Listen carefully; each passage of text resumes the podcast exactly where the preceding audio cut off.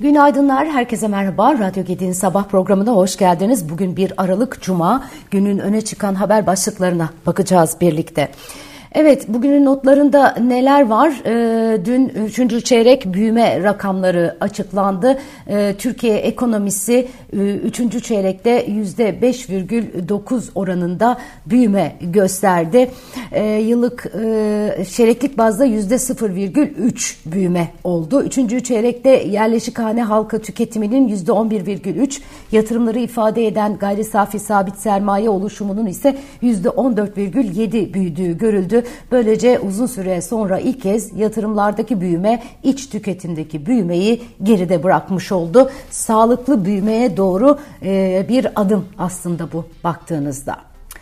Uluslararası Kredi Derecelendirme Kuruluşu S&P takvim dışı değerlendirmeye giderek Türkiye'nin kredi notunu B olarak teyit ederken not görünümünü durağından pozitife revize etti. S&P tarafından yayınlanan notta cari açıkta daha belirgin gerileme, dolarizasyonda azalma ve döviz rezervlerinin güçlenmesi durumlarında kredi notunun artabileceğini vurguladı. Bir başka güzel haber.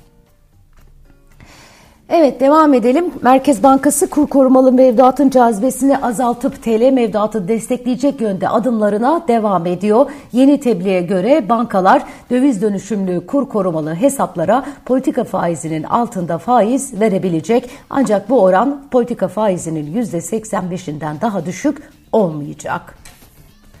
Diğer yandan politika faizini Kasım toplantısında 500 bas puan arttıran Merkez Bankası reskonto işlemlerinde uygulanacak iskonto ve avans e, faiz oranlarını da 500 bas puan daha yükseltti. Vadesine en çok 3 ay kalan senetler karşılığında yapılacak reskonto işlemlerinde uygulanacak iskonto faiz oranı yıllık %40,75, avans işlemlerinde uygulanacak faiz oranı ise yıllık %41,75 olarak belirlendi. Merkez Bankası rezervleri de 24 Kasım haftasında 2 milyar dolar artışla 136 milyar 498 milyon dolara yükselerek tarihi zirvesini kaydetti. Aynı haftada net uluslararası rezervler ise 6,8 milyar dolar artışla 35,8 milyar dolara yükseldi. Yine piyasalardan devam edelim. Fed'in en çok dikkat ettiği enflasyon göstergelerinden biri olarak biri olan çekirdek PCE endeksi Ekim ayında yıllık bazda %3,5 artışla piyasa beklentilerine paralel gerçekleşti. Diğer yandan OPEC artı ülkeleri gerçekleştirdiği toplantıda günlük 1 milyon varil ek arz kesintisi konusunda prensipte anlaştı. Anlaşmanın sağlandığı kararın oylanacağı belirtiliyor. Bu arada Brezilya'nın Ocak 2024 itibariyle petrol, petrol ihraç eden Ülkeler Örgütü OPEC ve OPEC dışı bazı üretici ülkelerden oluşan OPEC artı grubuna katılacağı da duyuruldu. Ee, AK Parti genişletilmiş il başkanları toplantısına katılan Cumhurbaşkanı Erdoğan kongrenin ardından 31 Mart seçimleriyle ilgili, ilgili hazırlıkları çok daha yoğun bir şekilde başlattıklarını söyledi. Grup toplantısında ilan ettikleri yeniden İstanbul'un bu mücadelenin paralolarından biri olacağını belirten Erdoğan gayemiz İstanbul ve Ankara başta olmak üzere 5 yıldır hizmetsizlik girdabında boğulan şehirlerimizi gerçek belediyecilikle tekrar buluşturmaktır. Şehirlerimizin bir 5 sene daha kaybetmesine müsaade ver vermeyeceğiz ifadelerini kullanmış. Yerel seçimlerde MHP ile işbirliğine gideceklerinin sinyalini veren Erdoğan aynı zamanda şunları söylemiş. Cumhur İttifakı ortağımız MHP ile görüşmelerimiz olumlu bir mecrada karşılıklı anlayış ve saygı ekseninde devam ediyor. Görevlendirdiğimiz arkadaşlarımız muhataplarıyla sürekli temas halinde. Biz de dün MHP Genel Başkanı Sayın Devlet Bahçeli'yi külliyemizde ağırladık. Kendisiyle oldukça verimli bir görüşme gerçekleştirdik. Milli irade düşmanlarına karşı 15 Temmuz gecesi meydanlarda kurulan ittifakımızı daha da güçlendirerek geleceğe taşıma azmindeyiz. İçişleri Bakanlığı'nın ihbar, ihbarı üzerine İstanbul Büyükşehir Belediye Başkanı Ekrem İmamoğlu hakkında ihaleye fesat karıştırması suçlamasıyla açılan davanın ikinci duruşması görüldü. Bir sonraki duruşma 25 Nisan 2024'de ertelendi. Evet, e, Mehmet Şimşek'in açıklamaları var. E, vergiyle ilgili e, açıklamalar e, da bulunmuş Mehmet Şimşek. Aslında biraz da e, algısında e, problem var. Türk lirasını e, daha etkili e, desteklemek için vergisel önlem alınabilir dedi Mehmet Şimşek.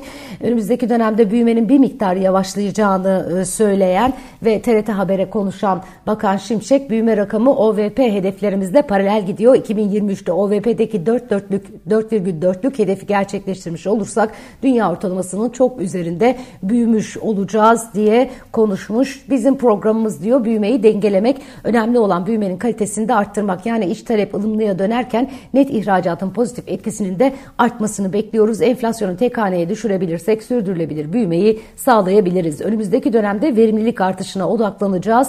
Büyüme muhtemel bir miktar bir miktar yavaşlayacak. Bunda korkulacak bir şey yok demiş. Ee, dövize, dövizden elde edilen faiz gelirleriyle borsa kazançlarına uygulanan vergi oranlarının %40'a kadar çıkarılabilmesi konusunda Cumhurbaşkanı Erdoğan'a yetki verilmesine ilişkin olarak da liralaşma politikasını desteklemek amacıyla önümüzdeki dönemde vergi ve teşvik ile bu sürece katkı sağlayacağız. Şu an için bir ihtiyaç görmüyoruz açıklamasını yapmış. Evet, e, Mehmet Şimşek'in açıklamaları da bugün yine e, manşetlerde yer alıyor. Vergisel önlemler, verginin tabana yayılması ise e, e, orta vadede e, memleketimiz açısından e, olumlu e, tabii baktığınızda. E, bir de e, yine e, Bakan Şimşek'in dün bir notu vardı. İş dünyasına sesleniyorum. 2024'te iç talep daralacak, yurt dışında müşteri bulun e, diye e, ihracata odaklanmak gerekiyor. 2024 yılında da o net bir şekilde ortaya çıkmış durumda. Evet. Henry Kissinger ölmüş. Tam 100 yaşında. Biliyor musunuz Henry Kissinger'ı? Belki genç arkadaşlar bilmeyebilirler. Çok tartışmalı bir diplomattı kendisi e, eski Amerikan Dışişleri e, Bakanlarındandı. 1973 ile 77 yılları arasında Richard Nixon ve Gerald, e, Gerald Ford'un başkanlıkları döneminde Dışişleri Bakanı olarak görev yapmıştı. Şili darbesine gizlice destek verdiği, Arjantin ordusunun halka karşı yürüttüğü kirli savaşa göz yumduğu iddia edilen Kissinger'ın Amerika'nın Vietnam'dan çıkmasını sağladığı için verilen Bar Nobel Barış Ödülü de oldukça eleştirilmişti. 1977'de ABD hükümeti hükümetindeki görevinden ayrılsa da toplumsal ve siyasi konularda önde gelen yorumculardan olmaya devam etti. Kurduğu Kissinger Associates e, adlı danışmanlık şirketi Amerikan yönetimleriyle yakın çalıştı. Kissinger aynı zamanda Mao Zedong'dan Xi Jinping'e kadar tüm Çinli liderlerle doğrudan muhatap olan tek Amerikalı oldu. 100 yaşına bastıktan sonra geçen Temmuz ayında Pekin'e giderek Çin Devlet Başkanı Xi Jinping'le görüşmüştü. Amerika ile Çin arasındaki ilişkilerin gergin olduğu bu dönemde dönemde bir dönemde bu ziyaretin gerçekleşmesi Beyaz Sarayı kızdırmıştı. Amerikan Ulusal Güvenlik Konseyi Sözcüsü John Kirby resmiyeti olmayan özel bir vatandaşın Çinli liderlere erişimi varken ABD hükümetinin olmamasını talihsizlik olarak nitelemişti. Çin'in ABD Büyükelçisi yayınladığı taziye mesajında bu hem ülkemiz hem de dünya için muazzam bir kayıptır. Tarih bu asırlık inşanın insanın Çin ve ABD ilişkilerine yaptığı katkıları hatırlayacak ve kendisi Çin halkının kalbinde çok değerli eski bir dost olarak canlı kalacaktır demişler. Gerçekten çok tartışmalı. Aslında pek çok savaşta eli olan e, bir e, kişiydi. 100 yaşına kadar da yaşamış maşallah.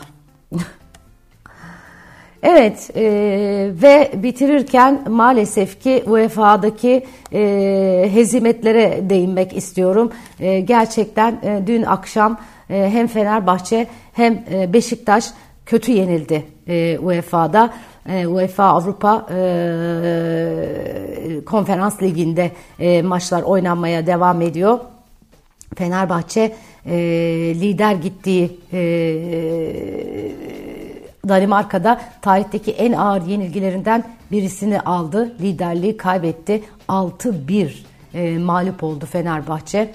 Beşiktaş da e, yine e, büyük bir e, hüzün yaşadı. E, Kulüp Brüj maçının da e, maçında e, Belçika ekibin ile karşılaştığı maçta Beşiktaş'ta 5-0 mağlup oldu ve büyük bir hüsran yaşadı. Niye bizim takımlarımız böyle oluyor bilmiyorum. E, futboldan anlayanlar daha iyi yorum yapabilirler ama yani gerçekten e, iyi iyi giderken büyük hezimetler arkasından geliyor. Evet sıcaklıklar mevsim normallerinin üzerine çıkıyor. Muğla, İzmir, Aydın çevresi yağmurlu. Kuzey Ege ile Marmaros'ta şey Marmara'da lodos etkili olacak. Hava sıcaklıklarının mevsim normallerinin 4 ila 6 derece üzerinde olması bekleniyor. İstanbul bugün parçalı bulutlu 20 derece arkadaşlar. Evet 20 derece. İnanılır gibi değil. Bir sıcak bir soğuk. Bu sıcak hava dalgası e, Lodos'la birlikte e, geldi. E, ama tabii dikkatli olmakta da fayda var. Bu bir sıcak bir soğuklar bizi hasta etmeye e, hasta edecek e, düzeyde. Evet. Bugün 1 Aralık yılın son ayı 2023'ün e, tamamlanmasına bir ay kaldı tam olarak. Haftanın da son iş günü. Güzel bir hafta sonu diliyorum şimdiden. Kendinize çok iyi bakın. Pazartesi görüşmek üzere. Hoşçakalın.